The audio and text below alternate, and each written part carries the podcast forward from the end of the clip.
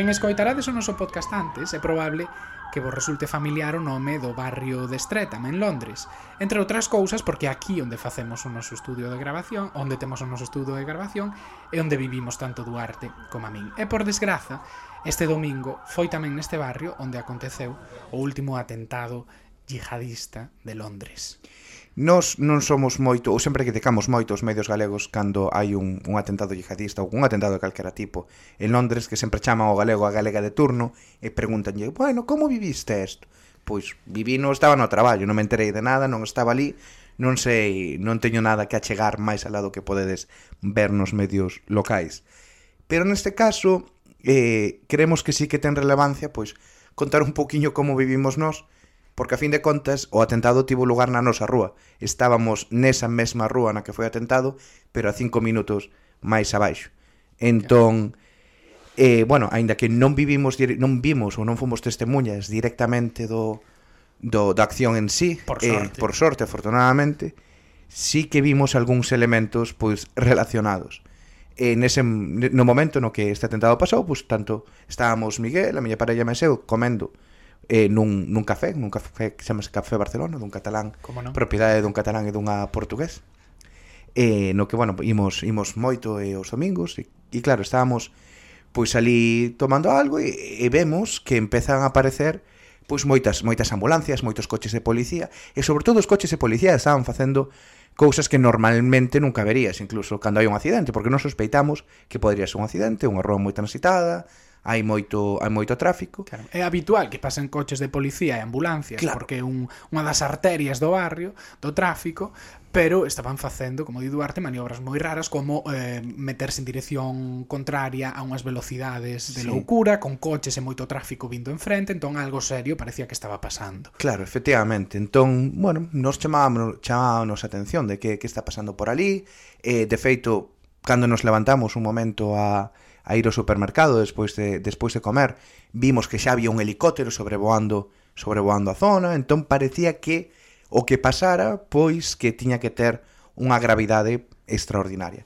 Estamos falando dunha das principais arterias de comunicación do sur de Londres, unha, unha gran avenida mm, comercial, na cal un domingo ou un sábado hai moitísima xente que vai ás tendas, que vai aos cines, que vai que sai a comer, unha zona moi transitada desta parte da cidade, e E nada, pois víamos que aí houbo, houbera un accidente ou houbera, houbera algún incidente. Claro, pero tampouco lle dábamos moita importancia. No. Entón, bueno, foramos eh, Bon Duarte, a súa parella e eu ao supermercado, despois cada un para a súa casa. Eh, eu vivo no barrio de Estretan, pero a medio camiño entre outra zona que se chama Crystal Palace, a que se chega por unha carretera bastante... Bueno, onde che queda Crystal Palace, eh? Está a medio camiño, de feito, da miña casa. Medio, medio. Sí, sí, sí, que cheguei ali. Bueno, en fin. Vale, sí. Dio o GPS, dio Google Maps. Xeografía de Londres se chamala para outro momento. Vale. Eh, eh, entón, para chegar ata a zona da miña casa hai que ir por unha, por unha estrada estrada que é moi pouco transitada, moi tranquiliña, na marxe esquerda tes eh, casiñas baixas residenciais, eh, e na dereita un parque, incluso bosque, mm. eh, nalgún tramo. Pero son moita actividade comercial ni nada. Entón eu, camiño da miña casa, vexo que hai tres coches, eh, dous deles prácticamente sinistro total, que houve un accidente, e penso, bueno, pois pues un accidente de tráfico que, que, que concurrido e que cantidade de eventos están a pasar no, mm. no barrio hoxe E claro, chego ali e vexo que detrás dun dos coches que estaba que estaba prácticamente sinistro total, hai un oficial de policía co seu uniforme sentada no chan, cunha venda na cabeza, sangrando e sentada nun, nunha piscina da, da súa propia sangue e estaba prácticamente en shock, estaba mm. non, non diría que inconsciente, pero preto. Non había ambulancias, non había coches de policía aparentemente eh, sospeito que un dos coches implicados era conducido por ela e o seu compañeiro mm, policía tamén, que sería un coche destos de, de mm. paisano, eh, e había simplemente un grupo de... Mm, de peatón, de, de bueno, peatóns, transeúntes ou sí, sí. sí, de peatóns atendendo e, e axudándolle. Eh, nun do, no coche, no outro coche que estaba máis danado, non había ninguén dentro, Eh, e no outro coche que estaba danado, pero tampouco era tan grave, había dúas persoas que non se movían e que estaban falando con dous peatóns.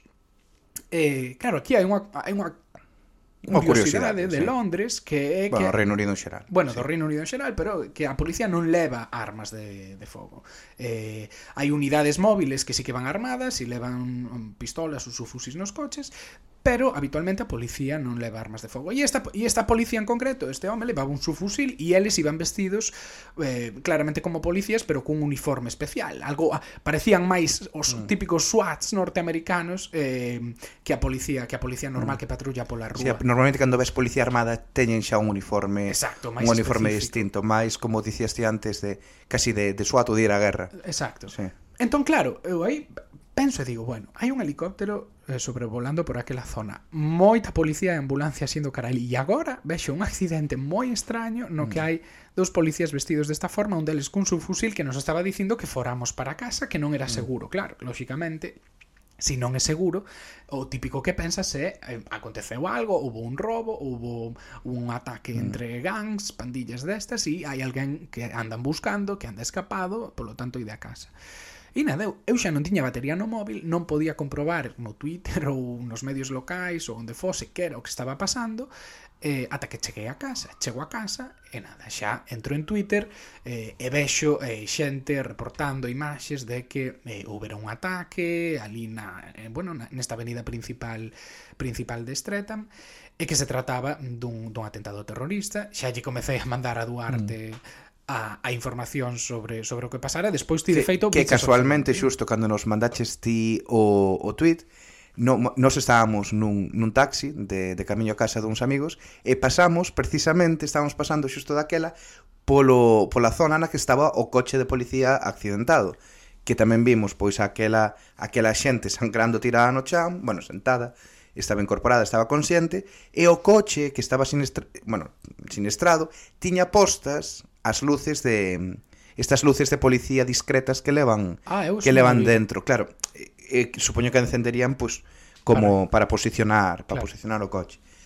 Eh, pero bueno, claro, aí xa foi cando nos dimos conta de que había algo algo moito máis máis grave e claro, cando vimos xa o teu tweet dicindo que que houbera o atentado, pois xa empezou a chegar toda a información e o que pasou foi que, bueno, xa veríades polos polos medios polos medios de alá, pero Básicamente un, un rapaz de, de 20 anos que acaba de sair do cárcere por difundir propaganda yihadista, pois que mm, nesta arteria principal de Streatham colleu un coitelo, non está claro se o roubou, se xo levado consigo ou se o roubou nunha tenda de, de Streatham, e empezou a liarse a coiteladas con, con xente que pasaba por ali. A unha, a unha ciclista que pasaba pola, pola estrada pois deulle un clavoulle o coitelo e a outro a outra persoa que tamén estaba por ali tamén tamén apuñalou. O interesante ou curioso é que esa persoa, o, o, o atacante, estaba sendo seguido pola policía e por policía armada. Entón, no, no momento no cal el comezou co, a, co, cos apuñalamentos, se apareceu eh, policía de paisano, rodeou-no completamente e, e abatiron, no mataron no ali eh, diante de, de Boots, que é unha, unha droguería, un supermercado, ao que Miguel e eu eh, pois, pues, con bastante con bastante frecuencia. Sí. De feito, o domingo anterior, xusto unha semana antes, eu a esa hora estaba pois na biblioteca que está xusto diante de onde foi o onde foi o atentado. E, e bueno, pois eso, aí xa en cuestión de minutos ou de segundos, pois xa o, o, o abatiron. É interesante, bueno, curioso porque a, a, a política que, que se sigue aquí neste tipo de atentados é se hai risco de que o atacante pois teña un cinturón explosivo ou algo así, eh, hai que disparar a matar E neste caso, esta persoa pois levaba un cinto un cinto falso, que despois se demostrou que era falso, eh, pois para conseguir pois eso que non sair, non sair vivo da pois desta deste atentado. Claro. Entón, bueno, podedes vos imaginar ese día, eh, durante o que quedou pola tarde nos medios, Stretan foi o centro, mm. nos outros medios británicos, e non internacionais. Era raro ver a, ver a túa rúa, pus na BBC. Exacto. Mm. O, o helicóptero hasta, creo que os digo, hasta as 9, 10 sobrevoando, sobrevoando a zona, moitísimo eh, ruido de sirenas, ambulancias, eh, coches. Pero a cousa non, non rematou aí. Desde logo para ti, non? Non. O día seguinte, saio da casa eh, para traballar, E o primeiro que vexo no edificio que está enfrente da miña casa, escasos 20 metros, é un dispositivo de policía. Tiñan a rúa acordonada, o edificio acordonado, había dous coches de policía, había como 10, 15, 15 eh, oficiais de policía, E claro, eu xa pensando, pero que está pasando aquí? Por que isto me persigue? Eh, resulta que eh, pois o terrorista, o rapaz de 20 anos, vivía nese edificio. Vivía de, nese edificio desde había pouco, desde había dúas semanas, porque trátase dunha pensión destas de transición do goberno ás que vai xente que saiu da cadea un pouco a modo de reinserción, de rehabilitación. E claro, ao principio pensaba, bueno, pois estarán facendo arrestos de, de xente coñecida, do que sexa, se foi atentado en Estretan, o mellor hai unha célula no barrio, ou que sei. Bueno, en breve xa vin eh, que, que simplemente se trataba de, de registros para buscar información e que o rapaz ese vivía aí. Despois, eh, lóxicamente, eh, xa me entrou a paranoia, bueno, digo lóxicamente para que me coñece, mm. son un pouco paranoico con estas cousas, pero eh, xa me entrou a paranoia de si eh, sería o rapaz que vira eu dous días antes na parada de bus que está xusto enfrente dese, mm. dese edificio cando comecei a ver as súas fotos nos medios de comunicación porque estábamos unha señora ese rapaz e eu e ese rapaz era un rapaz así delgadiño eh, que me podería parecer eh, similar ao que estaba vendo nas fotos e que estaba falando só e que mm, eh, bueno, deuche un pouco de mal rollo. sí, un pouco de mal rollo, era así un pouco raro. Eh, pero bueno, probablemente non fose, pero sempre está aí a cabeza que non mm. para, imaginándose, imaginándose o peor. E, bueno, finalmente, nada, o dispositivo sí que é certo que durante o próximo día eh, a miña rúa, que habitualmente moi tranquila, mm, tivo moitísimo tráfico porque mm. a rúa principal na que aconteceu o atentado estivo pechada. Penso que aínda só reabriron hoxe. O que reabriron hoxe, non sí, sei. Eu pasei, eu pasei por ali hoxe por primeira vez. Claro.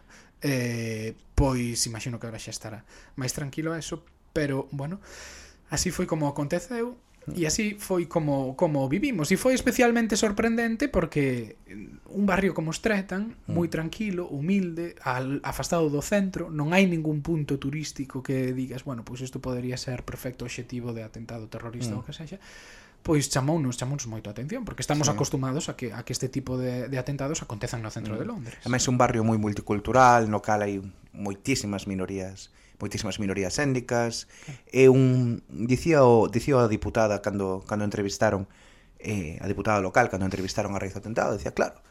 Ah, bueno, espera, foi a diputada local ou foi o o concelleiro dos Verdes. Bueno, non me acordo, un dos políticos locais viña a dicir que, claro, estrétame un barrio moi moi multicultural, no cal, en un espazo de 100 metros tes unha sinagoga, claro dúas eh, dúas igrexas, unha anglicana e outra católica e unha mezquita. Claro. Entón é así, digamos, un, un bule bule de, de distintas culturas, hai moitísima emigración europea, somos moitos os cidadáns europeos que vivimos por aquí, e, bueno, pois choca que nun sitio así, pois haxa un, un atentado deste tipo.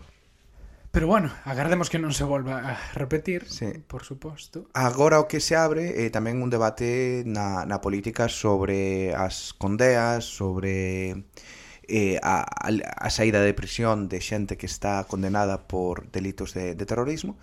Pero bueno, eso quizáis xa sexa para, para outro, outro podcast. podcast sí. Pero bueno, isto foi o que pasou e así foi como vivimos nós.